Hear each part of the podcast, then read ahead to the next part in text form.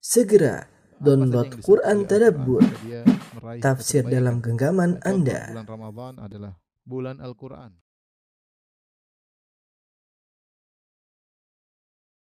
Bismillahirrahmanirrahim.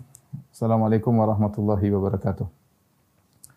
Alhamdulillahi ala ihsani wa syukru lahu ala taufiqihi wa amtinani wa asyhadu an la ilaha illallah wahdahu la syarika lahu ta'ziman li sya'nihi wa asyhadu anna Muhammadan abduhu wa rasuluhu da'ila ridwani Allahumma salli alaihi wa ala alihi wa ashabihi wa ikhwani.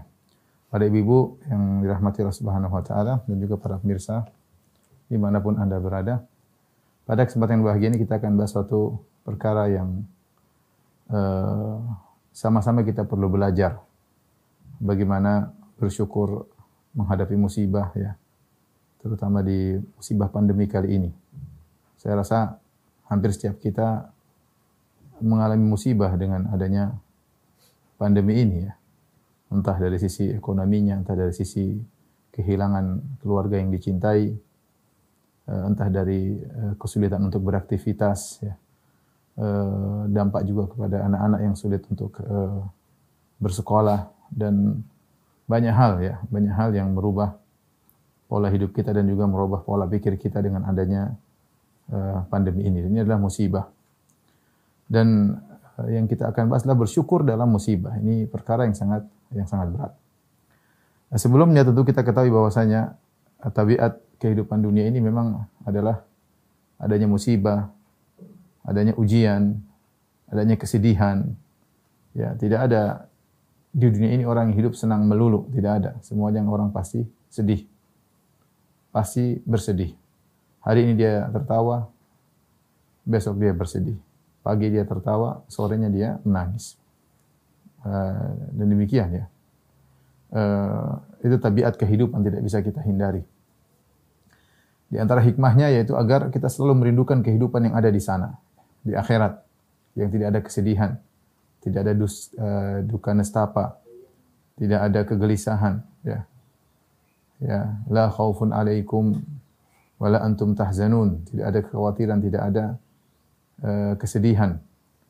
Yang penghuni surga ketika masuk ke dalam surga, mereka berkata, Alhamdulillahilladzi adhaba 'annal hazan. Inna rabbana laghafurun syakur. Mereka langsung berkata, segala puji bagi Allah yang telah menghilangkan segala bentuk kesedihan dari kami. Adhaba 'annal hazan. Al-hazan di sini alif lam mencakup segala bentuk kesedihan. Ya. Dan itu hanya bisa ada kalau di surga. Selama kita hidup di atas muka bumi, kita akan mengalami suatu ujian, satu ujian ke ujian yang lain, dari kesedihan yang satu ke kesedihan yang lain. Meskipun di sela-sela dengan kegembiraan, dengan tawa, canda, tapi namanya kesedihan itu pasti uh, selalu bersama seseorang. Ya. Cukuplah kata Imam Asy-Syafi'i rahimahullah taala, mihanu zamani katsiratun la tanqadi wa sururuhu ya'tika kal a'yadi. Kata Imam Syafi'i rahimahullah taala bahwasanya ujian kehidupan itu ya uh, katsira banyak tidak berhenti satu nanti di sela-sela dengan kesedih dengan keter, kegembiraan canda tawa kemudian sedih lagi terus wa sururuhu ya'tika kal a'yad dan kesenangan datang sesekali eh, seperti hari Id yang juga datang sesekali. Ini gambaran bagaimana banyaknya ujian yang dihadapi oleh Al-Imam Syafi'i rahimahullahu uh, taala. Dan Allah Subhanahu wa taala telah berfirman, "Laqad khalaqnal insana fi kabad." Sungguh kami telah menciptakan manusia dalam kondisi susah payah. Dalam menghadapi kepayahan yukabid, ya dia menghadapi berbagai macam kepayahan dalam kehidupan di dunia ini. Apakah dia sebagai seorang kepala rumah tangga, ya berusaha mencari nafkah, tuntutan keluarga, ya anak-anak harus sekolah, istri harus dikasih makan, ya. Ataukah dia sebagai seorang ibu rumah tangga, yukabidul hayat, menghadapi kehidupan dengan susah payah, ngurusi anak-anak, ya uh, termasuk ngurusi suami, terkadang harus berhadapan dengan mertua, dengan tetangga, ya. Atau dia sebagai seorang pejabat juga tidak mudah menghadapi urusan yang begitu banyak, ya, membuat dia terkadang tertawa, sering bersedih. Ataukah dia sebagai raja, tidak ada yang luput dari namanya ujian, tidak ada yang luput daripada kesedihan. Dan di antara Allah berikan kali ini ujian, yaitu wabah ya, Covid ya. Subhanallah menimpa semuanya. Ya. Eh, kepiluan, kesedihan menimpa semuanya tanpa pandang bulu. Siapa pun dia ya. Ya. Oleh karenanya kita ingin belajar bersyukur. Saya juga mau belajar, bukan cuma antuna sekalian. Bagaimana kita bersyukur di era musibah yang sedang kita hadapi bersama ini di masa pandemi. Uh, sebelumnya saya menyampaikan perkataan Ibnu Qayyim rahimahullah taala. Ibnu Qayyim dalam kitabnya Aidatus Sabirin rahimahullah taala berkata bahwasanya uh, sikap menghadapi sikap menghadapi musibah ada empat. Menghadapi musibah musibah ada empat tingkat. Dan ini juga disampaikan oleh Syekh Utsaimin rahimahullah taala tapi beliau didahului oleh Ibnu Qayyim rahimahullah taala. Yang pertama adalah al-jaza. Al-jaza itu marah-marah ya. Tidak sabar, marah-marah. Tidak sabar. Protes ya. Dan lain-lain. Ya, intinya adalah segala bentuk ucapan segala bentuk ucapan dan tindakan, tulisan dan tindakan yang menunjukkan protes. Protes kepada keputusan Allah Subhanahu wa taala.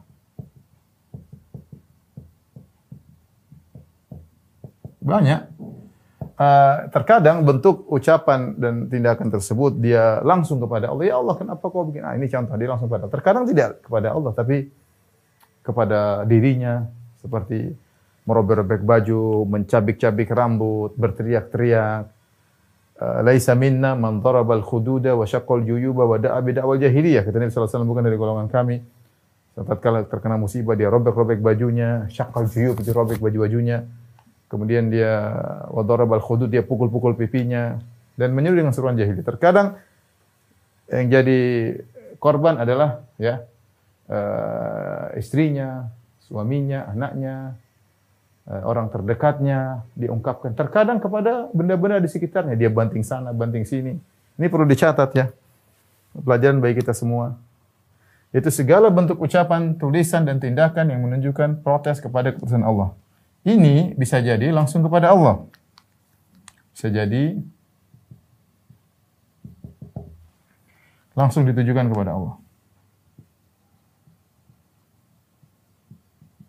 Jadi ini sangat berbahaya.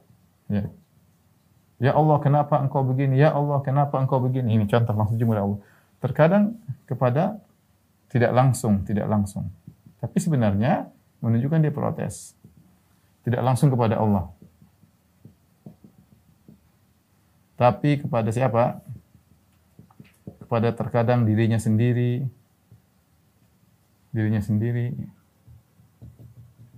terkadang kepada uh, orang terdekatnya, istrinya, orang dekatnya, ya. terkadang kepada benda-benda di sekitarnya, benda-benda di sekitarnya. Betapa banyak dari kita ketika terkena musibah uh, kita lakukan ini. Entah kita bentak-bentak uh, suami kita, entah bentak-bentak istri kita, entah kita ngomel-ngomel, ngamuk-ngamuk, banting sana, banting sini. Uh, ucapan terucap, tindakan dilakukan yang menunjukkan al-jaza. Kata Ibnu Qayyim hanya orang-orang rendahan, orang-orang yang tidak punya muruah, ya, orang-orang yang ya tidak berakhlak gampangannya demikian, ya. Sekarang kita mulai belajar level kita bagaimana dalam agama ini ya. Ini yang pertama al jaza dan ini hukumnya haram. Ini hukumnya haram. Dosa besar. Rasulullah mengatakan laisa minna. Sebenarnya mengatakan semua uh, dosa yang Nabi mengatakan laisa minna bukan dari golongan kami berarti minal kabair. Dia kabirah minal kabair, bukan dari golongan kami. Dia termasuk dosa dosa besar. Ya Allah alam tapi ada khilaf tentang perkataan laisa minna bukan dari golongan kami. Karena Rasulullah mengatakan laisa minna Man darabal khududa wa syaqqal juyuba wa da'a bil jahiliyah. Bukan dari golongan kami ketika terkena musibah merobek-robek baju, menampar-nampar pipi dan menyuruh dengan seruan jahiliyah. Ini haram. Eh, yang kedua adalah as-sabr. Sabar. Sabar. Apa bedanya sabar dengan jaza? Sabar eh, apa namanya? Sabar eh, artinya dia menahan, ya. Habas. Sabar itu artinya maknanya adalah adalah al-habsu. Al-habsu yang artinya menahan. Orang yang orang yang sabar itu dia merasa pilu. Artinya apa? Artinya dia merasa pilu, dia merasa merasa pilu. Tidak suka dengan ujian ini. Dengan musibah tersebut dia tidak suka. Ya. Dia, dia, dia, dia apa namanya? Dia dia dia pingin hilang segera ya. Meskipun demikian, dia bisa menahan diri. Namun dia tetap menahan diri. Tetap menahan diri. Ya. Tahan lisan. Tahan tulisan. Jangan nulis-nulis sembarang di medsos ya. Tahan tindakan. Ya. Ini hukumnya wajib sahabat hukumnya apa? Wajib, pahalanya banyak. Pahalanya besar sekali. Ya, pahalanya sangat besar. Seorang diuji dengan apa yang dia tidak sukai, dia menahan diri. Ya. Dia menahan diri, dia berangan-angan seandainya tidak terjadi. Tapi dia tahan dirinya. Dia tidak ungkapkan kata-kata yang menunjukkan tidak sabar. Dia tidak membanting sana, banting sini. Dia tidak teriak-teriak. Dia tahan dirinya. Ini wajib. Wajib. Dan ini pun berat. Hanya orang-orang terpilih yang bisa melakukannya. Makanya kata Nabi SAW, apa namanya, uh, uh, tidak ada yang apa namanya, uh, syai' atau an syai'un ausa ya, wa ahsan atau aksar minas sabar ya. Maknanya hadis tersebut kenapa tidak ada sesuatu pun Allah berikan anugerah yang lebih luas daripada kesabaran ya. Sabar itu adalah anugerah yang luas. Orang kalau diberi kesabaran, dia telah diberi anugerah yang sangat besar. Ya. Kemudian Ibnu Qayyim menyebutkan yang ketiga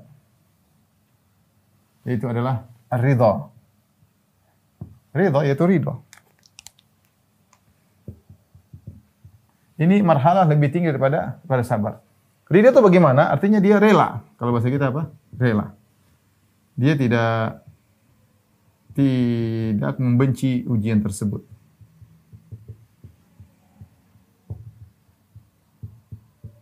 Dia lewati dengan tenang.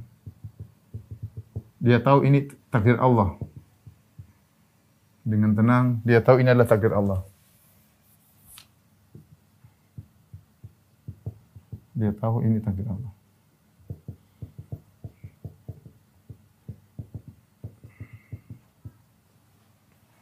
Ya. Uh,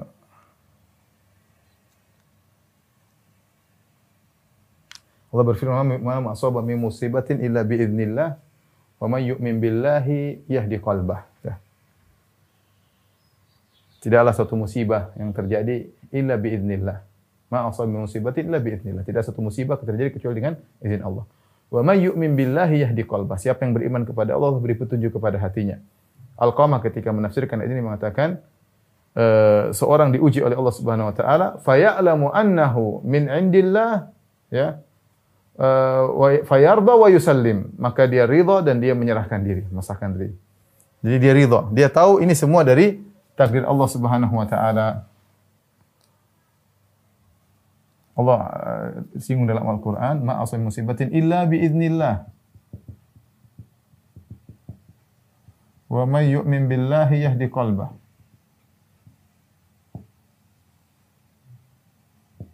Tidak ada musibah kecuali dengan izin Allah Subhanahu wa taala dan siapa yang beriman kepada Allah, ini maksudnya dia ridha. Beriman kepada Allah ridha, pasrah.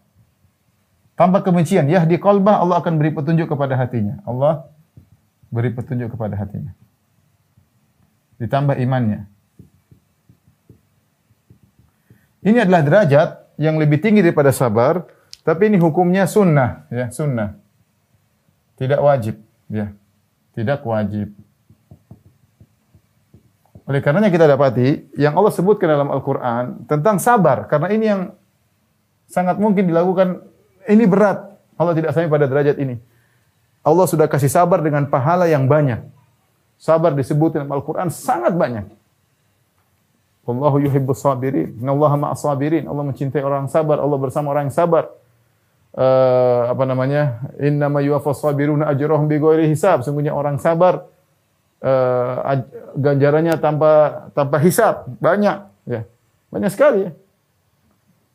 Banyak sekali. Wasta'inu bis sabri was salat. Jadikanlah sabar dan salat sebagai penolongmu, ya. Wasbir kama sabar ulul azminar rusul. Bersabarlah sebagaimana para rasul yang sabar. Banyak sekali. Wasbir fama sabruka illa billah. Bersabarlah dan sabar dari Allah Subhanahu wa taala. Terlalu banyak ayat. Allah mencintai orang bersabar, Allah bersama orang yang bersabar, Allah menyuruh untuk bersabar, Allah menjadi menyuruh sabar dijadikan penolong, Allah suruh mencontohi orang yang bersabar. Ya ayyuhalladzina ayyuhalladzina amanu sabiru wa sabiru. Ya wahai orang beriman bersabar dan tingkatkanlah kesabaranmu. Allah suruh sabar. Sabar dalam menjalankan ibadah banyak sekali. Kalau ayat banyak sekali tentang sabar. Dan itu ibadah yang mulia. Uh, ridho, makanya seorang kalau sudah sampai tahapan ini, sudah luar biasa. Ya. Sudah pada tahapan sabar luar biasa. Ya. Manusia mana yang sangat sulit mencapai ridho? Biasanya orang orang kalau kena musibah, seakan-akan tidak terima mobilnya hilang, berat dia tidak aduh kenapa. Dia kayak seandainya tidak hilang ya, anaknya meninggal, berat. Berat. Kebanyakan orang cuma sampai pada derajat sabar. Untuk derajat ridho, dia tenang. Sudah takdir Allah Subhanahu wa taala. Ya, sudah takdir Allah Subhanahu wa taala. Ini ridha. Ada derajat lebih tinggi daripada ini kata Ibnu Qayyim rahimahullah taala yaitu asyukur bersyukur. Nah ini yang lebih berat lagi. Bersyukur. Hanya orang-orang istimewa yang bisa demikian. Makanya saya bilang judul kajian kali ini sangat berat. Bersyukur di masa pandemi. Tapi kita berusaha belajar. Bisa jadi satu saat kita syukur. Mungkin kita dalam kondisi lain turun pada derajat ridho. Terkadang dalam kondisi lain, dalam derajat sabar. Terkadang dalam kondisi lain, derajat jaza. Bertahan dalam derajat syukur, siapa yang bisa? Luar biasa. Syukur apa? Dia mensyukuri. Ya. Dia mensyukuri, cirinya apa? Dia mensyukuri musibah tersebut. Menyukuri ya, musibah tersebut. Baginya musibah tersebutlah nikmat yang datang dalam bentuk bala. Baginya musibah tersebut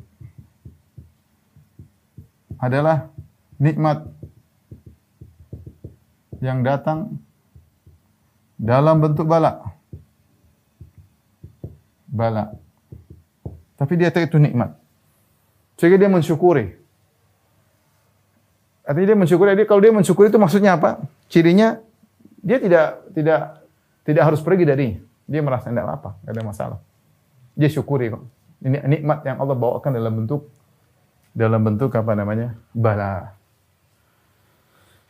Inilah empat tingkatan yang disebutkan oleh Ibnu Qayyim dalam kitab Idatus Sabirin disebutkan oleh Syekh Utsaimin rahimahullahu taala. Dan kita tahu tingkatan yang paling berat adalah bersyukur. Dia di atas daripada ridha. Jadi syukur ini adalah ini juga hukumnya tentu sunnah ya. Tidak wajib. Uh, syukur itu adalah sabar plus syukur ya. dalam hal ini sama dengan sabar plus ridho plus ridho. Ya. Uh, iya. Syukur adalah uh, sabar plus ridho ya. Kemudian pada naik pada derajat syukur. Naik pada derajat syukur. Jadi orang yang sudah syukur dia pasti sudah ridho. Kalau kita bikin himpunan ya. Maka ada namanya uh, sabar. Kemudian himpunan yang lebih kecil lagi adalah ridha, kemudian lebih kecil lagi. Irisan yang paling kecil adalah syukur. Kira-kira demikian. Sabar, ridha, syukur. Dan ini semakin sedikit orang-orang yang anggotanya karena semakin sulit. Siapa yang sudah syukur, berarti dia sudah melewati sabar dan sudah melewati ridha. Pembahasan kita, bagaimana cara kita bersyukur? Ini materi kita ya. Terus Ustadz, gimana cara bersyukur? Gimana caranya? Ini yang ini yang mau kita kita bahas. Insya Allah setelah ini kita sama-sama belajar insya Allah taala. Tolong dihapus. Kembali lagi, ibu-ibu yang dirahmati Allah Subhanahu wa taala, pembahasan kita pada siang hari ini adalah bagaimana belajar bersyukur di masa pandemi. Ya, kiat-kiat bersyukur. Dan sama-sama ya saya belajar, Antuna juga belajar, para pemirsa juga belajar. Karena kita eh, jangan sampai yang penting jangan sampai jaza. Kalau jaza ini sudah kita gagal berarti dalam ujian ini gagal. Tapi kalau masih sabar, masih bersyukur, bisa bersabar, alhamdulillah. Kalau sampai ridho, maka luar biasa. Ya. Kalau sampai syukur, maka lebih lagi luar biasa. Oleh karenanya, sebelum saya sampaikan kiat-kiat bersyukur, saya akan sebutkan dua contoh manusia yang Allah sebut dalam Al-Quran, yang penuh dengan ujian, tapi dia, mereka bersyukur. Manusia pertama tersebut yang diliputi di kehidupannya dengan ujian, tapi dia bersyukur adalah Nabi Nuh alaihissalam. Nabi Nuh alaihissalam. Kata Allah Subhanahu wa taala, Subhanalladzi asra bi 'abdihi lailan minal masjidil haram ilal masjidil aqsa alladzi barakna haulahu linuriyahu min ayatina innahu samiul basir wa atayna Musa al-kitaba wa ja'alna hudan li bani Israil alla tattakhidhu min duni wakila. Dzurriyyata man hamalna ma'a Nuh innahu kana 'abdan syakura. Allah menyebutkan tentang bahwasanya Bani Israel adalah zuriyat man hamalna ma'anu adalah keturunan dari orang-orang yang bersama Nabi Nuh di kapal yang Allah selamatkan mereka. Setelah itu Allah menyebut tentang Nabi Nuh kata Allah, "Innahu kana 'abdan syakura." Sungguhnya Nabi Nuh adalah hamba yang pandai bersyukur. Syakur yaitu suka bersyukur kepada Allah Subhanahu wa taala. Nabi Nuh alaihissalam suka bersyukur kepada Allah Subhanahu wa taala. Ini perkara yang subhanallah saya pikir sangat menakjubkan. Eh, apakah dia dikasih nikmat banyak sehingga dia pandai bersyukur? Tidak, dia dikasih, malah dia dikasih banyak ujian. Banyak dikasih ujian, maka dia menjadi hamba yang bersyukur. Apa saja ujian Nabi Nuh? Sudah sampai kita kisahkan dalam kisah Nabi Nuh. Di antaranya berdakwah lama banget. Ya. Walaqad arsalna Nuhan ila qaumi falabitha fi fihim alfa sanatin ila khamsina aman. Kami utus Nuh kepada kaumnya kemudian dia diam di kaumnya berdakwah 950 tahun lama. Beriman kaumnya bukan kaum baik-baik, brengsek semua ya. Wa inni kullama da'awtum litaghfir lahum ja'alu asabi'ahum fi adhanihim wastaghshaw thiyabahum. Setiap aku dakwahi mereka, ya, ja'alu asabi'ahum fi adhani mereka masukkan jari mereka di telinga mereka supaya tidak dengar apa yang aku ucapkan. Wastaghshaw thiyab mereka tutup wajah mereka dengan kain tidak ingin melihatku. Subhanallah. Ya.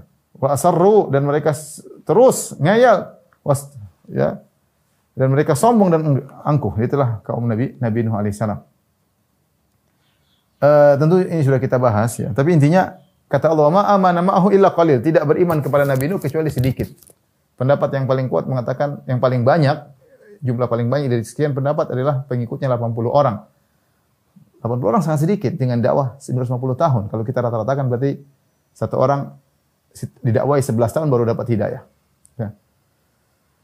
Subhanallah. Inilah yang diajarkan Nabi Nuh. Kemudian apa ujian berikutnya? Nabi Nuh alaihissalam istrinya istrinya kafir. Ya. Wa daraballahu mathalan lil ladzina kafaru imra'ata Nuh wa imra'ata Lut. Kanata tahta 'abdaini min ibadina salihaini fa khanatahuma falam yughni anhuma min Allah syai'a qila dukhulan nar dakhilin. Allah beri perumpamaan kepada orang kafir tentang istri Nabi Lut, istri Nabi Nuh. Dua-duanya kafir. Bayangkan ujian Nabi Nuh berdakwah istrinya menemaninya, orang rumah saja tidak beriman kepada dia. Bayangkan seorang ustadz berdakwah istrinya kemudian tidak tidak usah kafir, tidak pakai jilbab misalnya. Dia ngomongin jilbab, dia ngomongin istrinya nggak pakai jilbab. Apa yang dia omongkan diselisih sama istrinya. Kira-kira gimana? Kira-kira dicercakan kamu aja banyak omong, istrimu tidak bisa kau dakwahi. Nah, itu ujian berat bagi seorang dai. Ya bukannya dia tidak dakwah, dia sudah dakwah tapi tidak mampu, istri tidak mau berubah, mau diapain? Tidak mudah kemudian asal asal cerai, asal lepas anak-anak banyak macam-macam banyak pertimbangan. Lebih itu daripada itu, anaknya kafir. Anaknya kafir. Nabi diujian dengan ujian ya. Anaknya kafir. Sampai Nabi Nuh dakwahi di akhir kesempatan terakhir supaya siapa tahu anaknya sadar. Ya bunayya arkam ma'ana wa la takum ma'al kafirin. Wahai anakku naik di atas kapal, jangan termasuk orang kafir. Anaknya dengan sombongnya mengatakan, "Qala sa'awi ila jabalin ya'simuni minal ma'." Wahai Nuh, saya akan pergi ke puncak gunung selamatkan aku dari air bah ini. Qala la asimal yaumin amrillah illa marrahim. Tidak ada yang bisa selamat wahai putraku kecuali yang Allah rahmati. Nabi Nuh ngomong terus tahu wahala bainahumal mauju fa kana minal. Tahu ada ombak meninggal. Lihat lihat ujian dihadapi oleh Nabi Nuh. Diajak oleh kaumnya. Wa kullama marra alaihi mala'un min qaumihi sakhiru min. Setiap Nabi Nuh bikin kapal ada yang lewat, Ngejek, Nuh kamu ngapain bikin kapal? Ini musim kemarau bikin kapal, kok ngapain? Sudah nggak dakwah lagi, jadi tukang kayu, diejek. Seandainya diejek setahun dua tahun, kan 950 tahun. Nabi Nuh. Dan subhanallah yang ngejek itu bukan cuma kakek, anaknya, cucunya, buyutnya. Sampai Nabi Nuh berkata, "Wala yalidu illa fajiran kafara." Mereka tidak melahirkan kecuali fajir dan kafir. Artinya apa yang ngejek Nabi Nuh itu bukan cuma satu generasi. Kan dia punya kawin, punya anak, punya anak, kemudian anaknya juga ikut ngejek. Anaknya punya anak, punya cucu, dia ikut ngejek juga. Cucu punya buyut ikut ngejek, subhanallah. Luar biasa, berat yang dihadapi oleh Nabi. Tapi apakah dia Allah tidak mengatakan innahu kana abdan sabura? Dia adalah hamba yang sabar. Allah mengatakan innahu kana abdan syakura. Sungguhnya dia adalah hamba yang pandai bersyukur. Luar biasa. Ajaib. Nuh alaihissalam. Tengah ujian yang saya tidak tahu kalau menimpa kepada seorang dai di zaman sekarang. Tapi dia adalah hamba yang bersyukur.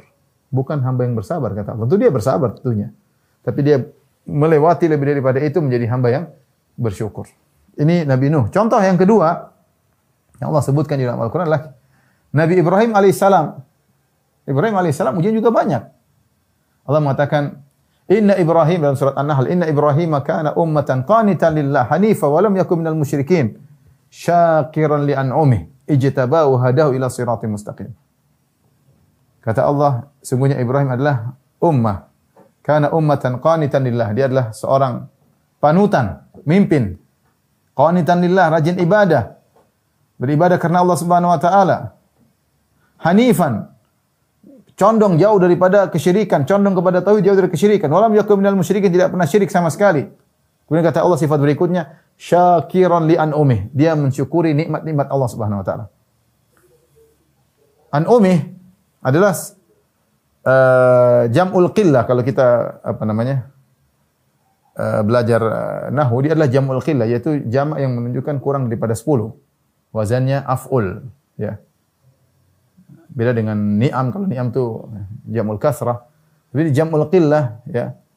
Uh, an'um ya an'um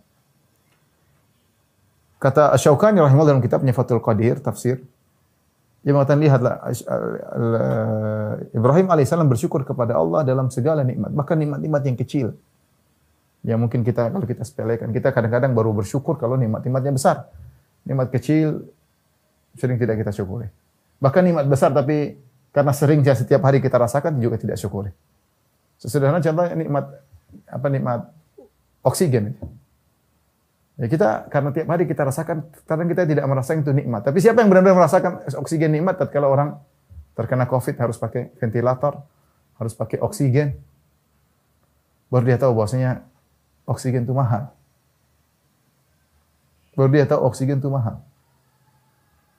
Ibrahim alaihissalam dia mensyukur dalam segala macam nikmat. Nikmat yang dianggap kecil pun dia syukuri. Dia ini siapa? Ini orang yang diuji dengan ujian yang berat. Ibrahim alaihissalam. Bayangkan dia dakwah di negerinya, di Babil. Semua orang memusuhinya. Satu negeri semua memusuhi dia. Dari rakyat sampai raja. Dari rakyat jelata sampai Raja Namrud. Semua memusuhinya. Sendirian.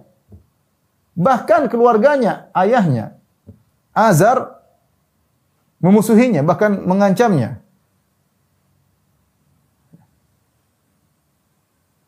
La illam tantahi la arjumannaka wahjurni maliya. Kalau kau tidak berhenti dakwah-dakwah melulu wahai Ibrahim, saya akan aku akan rajam kamu. Bayangkan ayahnya ngancam untuk bunuh dia.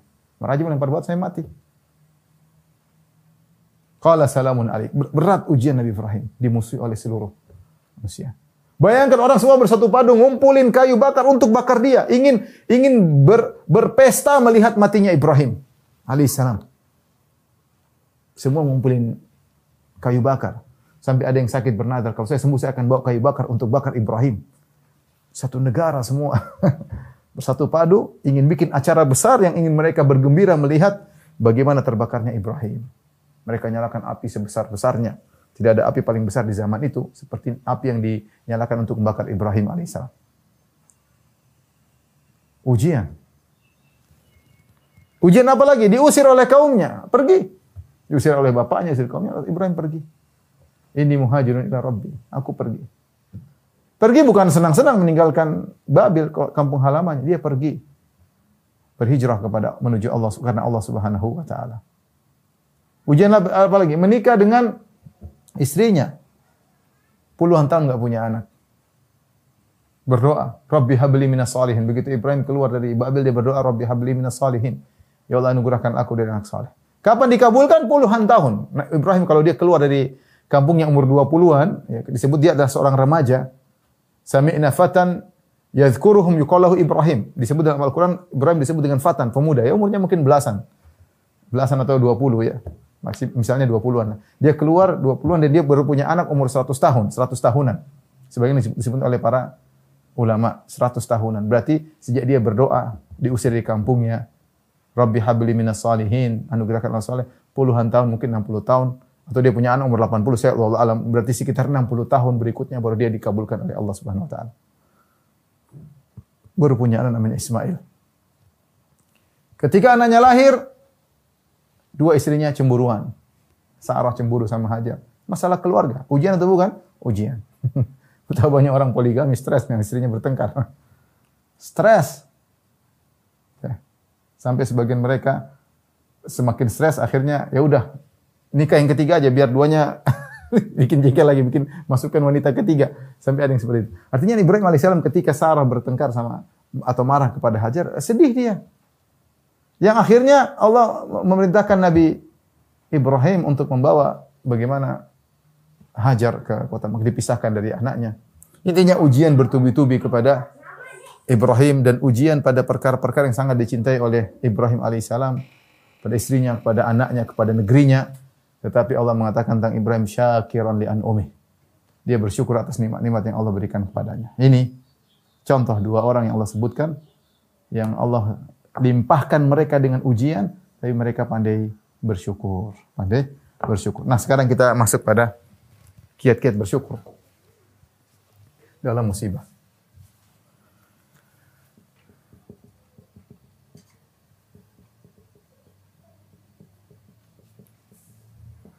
Saya akan sebutkan kurang lebih lima poin yang di, yang disebutkan oleh Jamaluddin Al-Qasimi dalam kitabnya Mau'izatul Mu'minin ya. Uh, ada keket bersyukur dalam musibah. Uh, yang pertama, bagaimana cara kita bersyukur dalam musibah? Karena uh, syukur itu apa? Syukur itu adalah apa itu syukur? Ya. Syukur itu uh, mengakui dengan hati mengakui nikmat Allah dengan hati. Kemudian mengungkapkan dengan lisan. Dengan mengucapkan Alhamdulillah. Uh, kemudian yang ketiga adalah uh, ungkapan dengan ibadah. Ungkapan dengan dengan amal. Seperti kata Allah Subhanahu wa taala, "I'malu ala Dawud syukra." Kata Allah, "I'malu ala Dawud syukra wa qalilun i'malu wa qalilun min ibadiyas syakur." Kata Allah, "Beramalah wahai keluarga Daud." Karena bersyukur kepada Allah dan hanya dari sedikit dari hamba aku yang bersyukur. Oleh karenanya e, namanya bersyukur itu harus mengakui nikmat Allah dengan hati.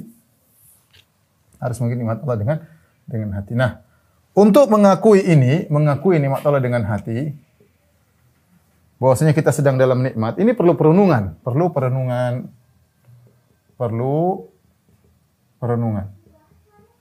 Makanya pada kesempatan ini saya akan mengajak para ibu-ibu sekalian yang Allah Subhanahu wa taala juga para pemirsa untuk merenungkan lima perkara yang semoga dengan lima perkara ini membantu kita untuk bisa bersyukur kepada Allah Subhanahu disebutkan oleh Jamal Al-Qasimi, Syekh Al-Qasimi dalam kitabnya Mau'izatul Mukminin. min Ihya Ulumuddin.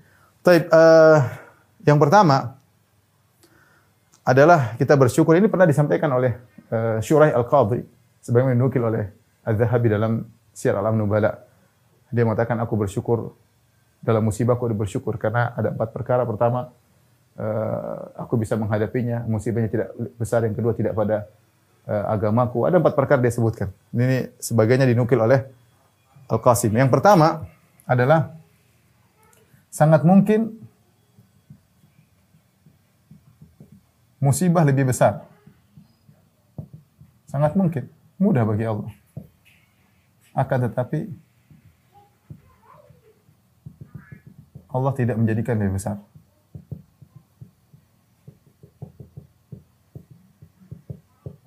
Lebih berat. Ini yang pertama. Ya sangat mungkin. Ya kita ada musibah, mungkin kita ekonominya turun. Bisa jadi lebih hancur lagi bisa jadi. Bisa jadi. Kita lebih parah, pasti ada yang lebih parah. Pasti yang lebih parah. Oleh karenanya untuk bisa merenungkan hal ini perlu kita melihat yang lebih parah daripada kita. Maka perlu melihat yang lebih buruk daripada kita.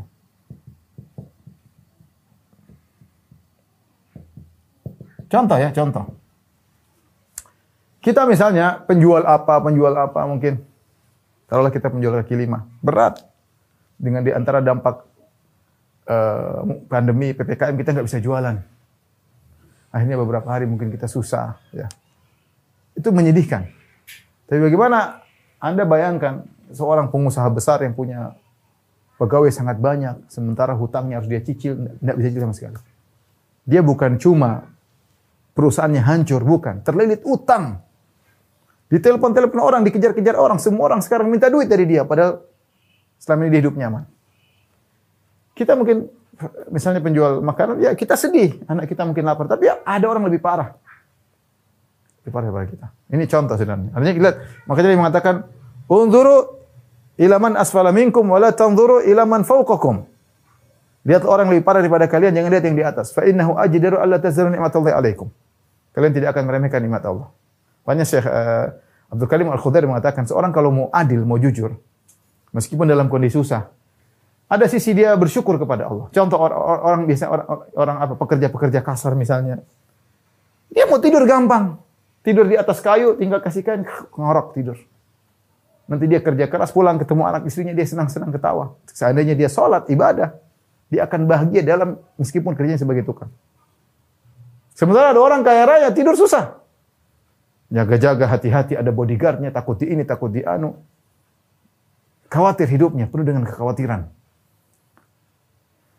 Takut ada pesaing yang lain, takut ini. Kalau dia tidak kalau bertakwa sih aman. Ada orang kaya senang-senang apa namanya e, bertakwa kepada Allah dia nikmati. Tapi ada orang yang susah ya. Makanya yang lebih susah daripada kita banyak. Sebenarnya kalau kita mau jujur memikirkan. Tapi Anda di masa pandemi mungkin ada orang yang cinta meninggal, yang Anda cintai meninggal, entah istri Anda, suami Anda. Saya tidak, saya tahu sangat pedih itu, sangat perkara yang sangat pilu. Tidak kita mungkin. Bagaimana orang tua kita meninggal, bagaimana ada anak kita yang meninggal. Tapi mungkin kita di rumah satu dua orang yang meninggal. Ada orang semuanya meninggal. Bapaknya meninggal, ibunya meninggal, istrinya meninggal. Subhanallah. Bayangkan. Bayangkan. Anda mungkin yang yang, yang kena pandemi akhir isolasi di rumah. Gak bisa apa-apa. Gak bisa apa-apa. Sedih. Mau keluar gak bisa. Tahan di rumah. Anda masih mending isolasi di rumah. Ada orang gak bisa apa-apa. Seperti Jakarta disuruh pergi ke Wisma Atlet. Keluarganya bilang kamu jangan di sini. Kamu kalau di sini semuanya kena suruh pergi. Pergi dia bawa tasnya, pergi sampai Wisma Atlet kemudian full. Dia nunggu mau pulang nggak bisa nunggu nongkrong di situ. Bayangkan betapa sedih, betapa hancur hatinya. Mau ke mana dia? Mau pulang nggak diterima di rumah? Masuk Wisma Atlet sudah full. Ya Allah, jadi maksud saya ada saja kita susah, ada yang lebih besar daripada kita. Makanya kalau kita bersyukur di antaranya kita memikirkan bahwasanya bisa saja Allah berikan saya musibah yang lebih berat daripada ini dan saya berhak mendapatkannya karena saya tahu dosa-dosa saya. Tapi Allah tidak lebih berat, tidak memberikan lebih berat daripada ini. Saya bersyukur kepada Allah. Ini contoh, ini ini teori ya. Tapi kita kan sama-sama belajar ingin bersyukur. Lihat yang lebih parah, renungkan Allah mampu memberikan lebih berat daripada ini. Tapi Allah tidak berikan lebih parah. Seandainya Allah berikan lebih parah daripada ini, Allah berhak. Kita tahu diri. Tahu maksiat yang kita lakukan. Tahu kita ibadah nggak benar. Tahu. Tapi Allah berikan musibah yang alhamdulillah bisa kita hadapi. Tapi yang kedua, ya.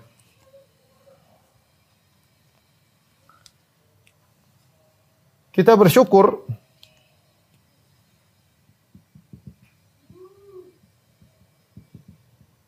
ternyata eh, musibah tidak pada agama kita.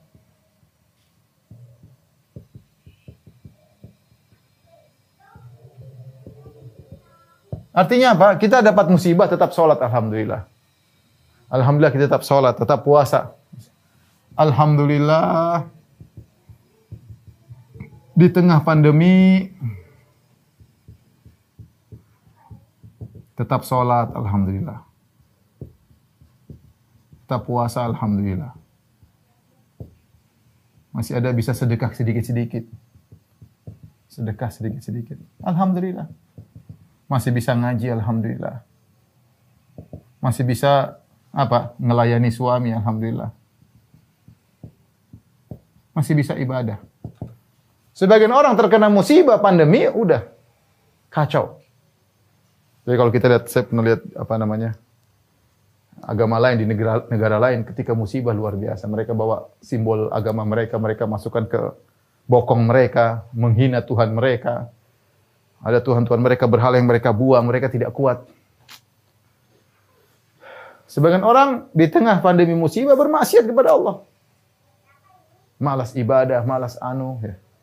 Itu alhamdulillah orang Indonesia, alhamdulillah, alhamdulillah. Secara umum ada musibah kembali kepada Allah. Secara umum ya saya lihat seperti itu kembali kepada Allah ingat. Ini sebagian juga sebagian ini tambah parah. Di, tengah-tengah musibah malah eh, nimbun barang misalnya, di tengah-tengah musibah malah korupsi, di tengah-tengah musibah malah nipu orang, ya, ada saja. Ya, itu namanya musibah dalam agama.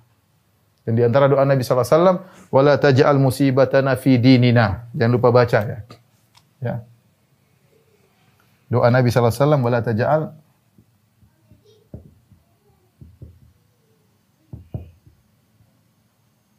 musibatana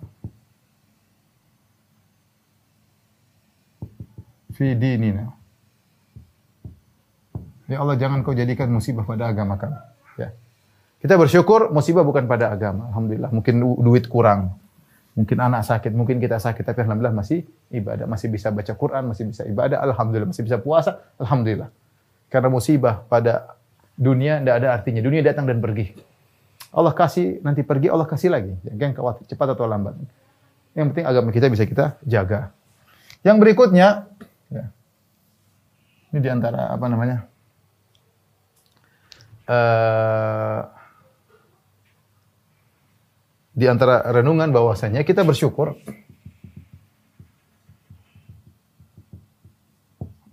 apa musibah didahulukan didahulukan di dunia. Karena sangat mungkin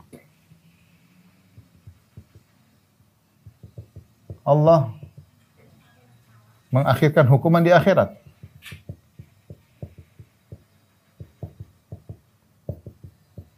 Hukuman di akhirat.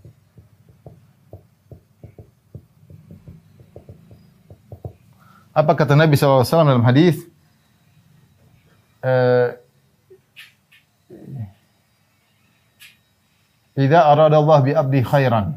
Idza arada Allah bi abdihi khairan ajjala lahu al-uqubata fid dunya. Wa idza arada Allah bihi syarran amsaka anhu. Kata Nabi sallallahu alaihi wasallam, jika Allah menghendaki kebaikan pada seorang,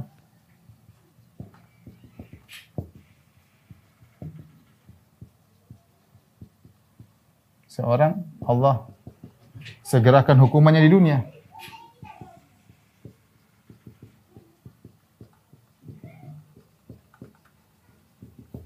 Ya. Kita bersyukur alhamdulillah. Anggap saja ini hukuman yang disegerakan. Anggap saja. Anggap saja ini hukuman yang disegerakan.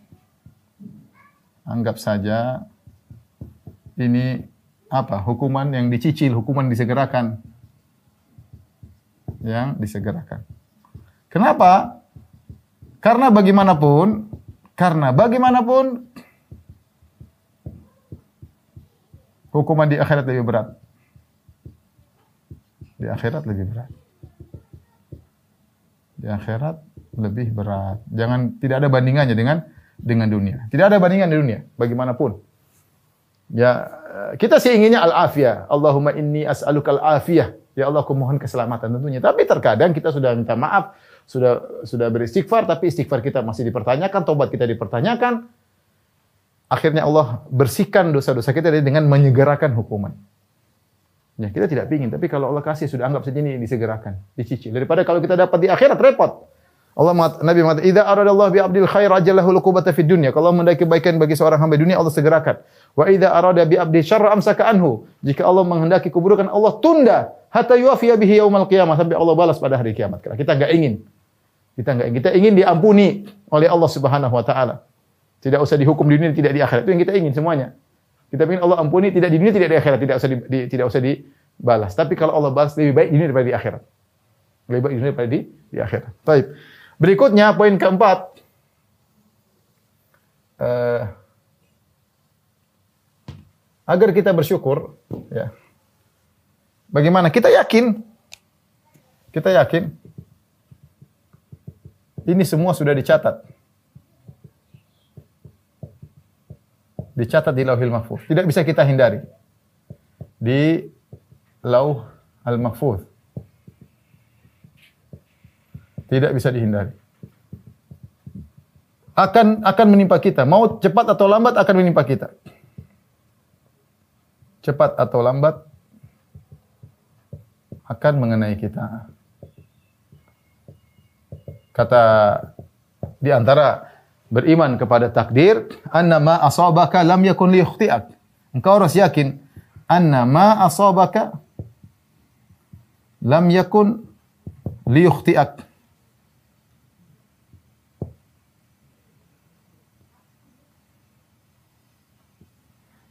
Tidak akan meleset. Apa yang menimpamu tidak akan meleset. Ma asaba min musibatin fil ardi wala fi anfusikum illa fi kitabim min qabli an nabra'aha. Dalam surat Al-Hadid kata Allah, tidak ada satu musibah pun yang menimpa pada dirimu maupun di atas muka bumi. Fil ardi wala fi anfusikum. Musibah apa saja di atas muka bumi ini. Dan juga yang menimpa dirimu illa fi kitabin kecuali sudah lauhil mahfuz min qabli an nabra'aha sebelum kami wujudkan. Taib. Kalau Anda tahu bahwasanya musibah tersebut cepat atau lambat akan pasti kena Anda, alhamdulillah sudah kena sekarang. Sudah tenang, berarti sudah yang terjadi sudah kena.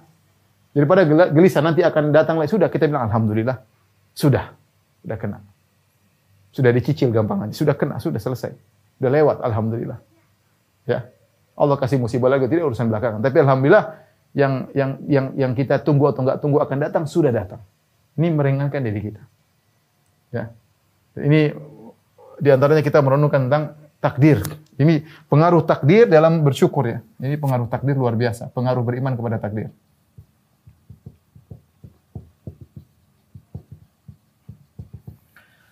Taib uh, yang terakhir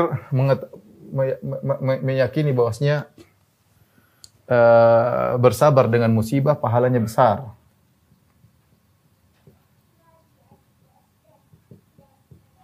Pahalanya besar pahalanya besar. Sehingga kita yakin seandainya eh, pahala yang kita dapat seandainya tidak jadi musibah lebih kecil. Pahala yang kita dapat seandainya tidak seandainya tidak terjadi musibah tentu lebih kecil. Nah, kita tahu ini pahalanya besar. Insya Allah ini Allah hendak baik, pahala kita besar, kita bersabar dengan musibah ini. Ya, ini di antara apa namanya renungan-renungan agar kita uh, bersyukur disampaikan oleh Syekh Jamaluddin Al Qasim dalam kitabnya Mau'izatul Mukminin. Uh, mungkin ada beberapa yang saya mau tambahkan. Insya Allah setelah ini, uh, tolong di apa, di foto. Ibu yang dirahmati Allah Subhanahu Wa Taala ada beberapa hal yang mungkin bantu kita untuk bisa bersyukur di masa pandemi ini ya, membantu kita untuk bersyukur. Yang pertama jangan lupa berdoa, berdoa kepada Allah Subhanahu wa taala agar kita bisa ridho. Karena ridho adalah uh, syukurlah ridho plus, ridho plus ya. Kalau kita bisa ridho untuk bersyukur lebih lebih mudah ya.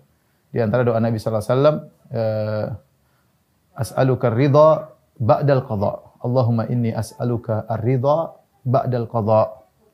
Ya Allah, aku mohon kepada Engkau keridhaan setelah terjadi keputusanmu. Ya, ini perlu kita sering ucapkan. Ya, as'aluka ridha ba'dal qadha. Ya. Ketika kita berdoa dengan demikian, kita berharap apa pun yang Allah tetapkan, kita bisa menjadi ridha. Kalau ridha berarti kita mudah untuk ber, uh, bersyukur kepada Allah Subhanahu wa taala. Kemudian tatkala terkena musibah entah kena Covid bagi efek pada keluarga kita, efek kepada orang tua kita, efek kepada ekonomi kita, pertama terkena musibah langsung kita bilang inna lillahi wa inna ilaihi raji'un. Langsung. Jadi kata Nabi SAW, inna masabru inda sodamatil ula. Ini sangat penting. Sungguhnya sabar itu pada hantaman yang pertama. Ya, hantaman yang pertama. Sejak awal langsung kita ketika dihantam mendengar kabar entah ekonomi kita lagi kacau, entah orang tua kita meninggal, entah anak kita meninggal, entah apa, entah suami kita, istri kita langsung bilang inna lillahi wa inna ilaihi raji'un. Allahumma jurni fi musibah fi musibati wa akhlif li khairan minha. Ya Allah, Allahumma ajurni, Allah berilah aku pahala dalam musibahku ini, wa akhlif li khairan minha dan gantikanlah aku dengan yang lebih baik. Kita ucapkan alhamdulillah ala kulli hal. Alhamdulillah ala kulli hal. Segala puji bagi Allah atas segala keputusan. Di balik ini pasti ada kebaikan yang tidak kita ketahui. Pasti. Alhamdulillah. Kenapa kita muji Allah? Karena kita tahu di balik ini pasti ada hikmah. Makanya kita bilang alhamdulillah ala kulli hal. Kita enggak tahu hikmahnya apa, tapi kita ucapkan alhamdulillah ala kulli hal sehingga kita bisa mudah untuk bersyukur kepada Allah Subhanahu wa taala ya. Uh, kemudian di antaranya kita dengan apa namanya uh, mencoba untuk misalnya uh, berpikir positif, husnudzan kepada Allah Subhanahu wa taala sebagaimana kisah yang disebutkan oleh Allah Subhanahu wa taala tentang Nabi Khadir yang membunuh seorang anak ketika Nabi Musa mengingkari ya kau telah melakukan syai' laqad ji'ta syai'an nukra. Engkau telah melakukan satu perbuatan yang mungkar yang buruk. Maka kata Nabi uh, Khadir amal gulamu fakana abawahu mu'minaini fakhashina ayyurhiqahuma tughyanan wa kufra. Adapun kedua orang tua anak ini adalah dua orang tua yang beriman. Uh, dan dan apa namanya kami khawatir kalau anak ini saking disayang oleh dua anak dua orang tuanya akan menjerumuskan kedua orang tuanya ke dalam perbuatan yang berlebihan atau kekufuran. Fa arada rabbuka ayyubdilahuma rabbuhuma fa arada rabbuka ayyubdilahuma rabbuhuma khairan minhu zakatan fa aqraba ruhma. Maka Allah Subhanahu wa taala ingin menggantikan anak ini dengan yang lebih baik dan lebih sayang kepada keduanya yang tidak menjerumuskan keduanya dalam kemaksiatan dan tidak menjerumuskan dalam kekufuran. Lihatlah, kedua orang tua ini ketika anaknya didengar mungkin meninggal, apalagi dibunuh oleh orang, tentu dia bersedih. Tetapi kalau dia pikir di balik itu, anak ini meninggal dalam kondisi tidak punya dosa, alhamdulillah. Bahkan mungkin bisa memberi syafaat pada hari kiamat kelak. Dan ternyata Allah gantikan dengan anak lebih baik. Dia dapat berapa keuntungan, bayangkan. Pertama keuntungan dia ber, diuji dan dia sabar. Kedua anak ini alhamdulillah mungkin menguntungkan dia pada hari kiamat kelak karena tanpa dosa meninggal dunia. Ya, kemudian yang ketiga eh, ternyata Allah gantikan dengan anak yang lebih baik ya karena anak ini kalau besar ternyata bikin masalah ini hal-hal yang di luar pada di luar pada apa namanya daripada nalar kita, tapi itu mungkin terjadi. Nah, kita pikirkan kepada hal-hal yang di sekitar kita. Contoh, mungkin kita punya uh, kakak lah, atau kita punya adik lah, atau kita punya ayah, kita punya ibu sakit misalnya, sakit parah, kemudian kena covid kemudian meninggal dunia. Kita bilang ya kita kita hanya senulan, kita bilang subhanallah. Alhamdulillah dia meninggal dengan covid dengan sabar. Dia sholat. Semoga dia mendapatkan pahala syahadah, pahala syahid dengan sabar ketika menghadapi ya uh, COVID ya. Ya, ketika menghadapi COVID. Sementara orang saja yang ketika terkena COVID di negerinya dia bersabar, muhtasiban berharap kepada Allah Subhanahu wa taala. Apa yang terjadi pada dia diterima, maka dia akan mendapatkan pahala syahid. Bagaimana yang sudah terkena kemudian dia bersabar menghadapinya dengan mengembalikan kepada Allah maka mati syahid. Jadi Allah ingin berikan dia memberikan dia pahala ganjaran yang besar. Oleh karenanya Allah mentakdirkan orang-orang soleh mendapati ujian yang berat. Lihatlah bagaimana Nabi SAW diracuni, kemudian meninggal karena racun tersebut setelah tiga tahun ya. Dengan sebab apa? Nabi SAW tidak mungkin dibunuh ya karena uh, tapi Allah ingin memberikan kepada Nabi SAW pahala mati syahid dengan racun tersebut. Lihatlah bagaimana Umar bin Khattab minta mati syahid. Akhirnya Allah kabulkan. Ditikam ketika dia jadi imam. Lihatlah bagaimana Utsman dikepung kemudian ditikam oleh orang-orang. Lihatlah bagaimana Ali bin Abi Thalib keluar salat salat subuh ditikam di eh, keluar salat subuh ditikam kepalanya. Subhanallah. Lihatlah bagaimana Husain di Karbala. Lihatlah bagaimana Hasan diracuni. Lihatlah mereka orang mulia. Allah ingin berikan pahala syahadah kepada mereka. Ya kita tahu teman-teman kita, masya Allah ada yang kita orang baik, masya Allah dermawan, tapi mati mati kena covid. Ya sudahlah. Ya, ya Allah ingin mengambilnya dengan cara mati syahid. Dan kita kita sedih, tapi kita berpikir positif. Ya. ya.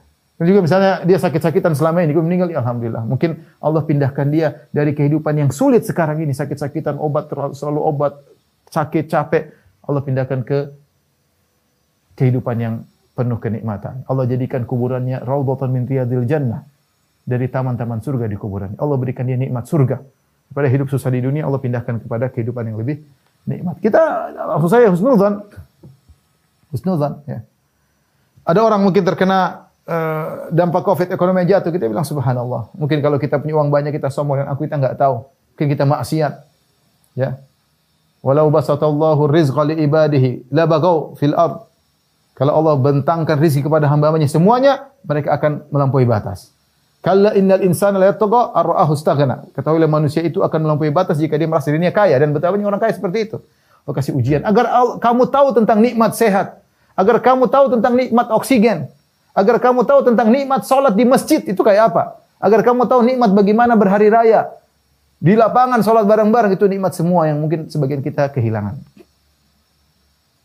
Kita berpikir positif saja ya, sehingga kita mensyukuri atas apa yang Allah beri kepada uh, kepada kita. Wallahu alam bisawab kepada ibu-ibu sekalian mungkin sampai sini saja kajian kita. Uh, kurang lebih saya mohon maaf. Semoga ibu-ibu dan para pemirsa sekalian bisa menjadi hamba-hamba yang sabar kemudian belajar menjadi hamba-hamba yang ridha kemudian menjadi hamba yang bersyukur di tengah-tengah musibah pandemi atau musibah-musibah yang lainnya. Uh, kurang lebih saya mohon maaf. Wabillahi taufiq walhidayah assalamualaikum warahmatullahi wabarakatuh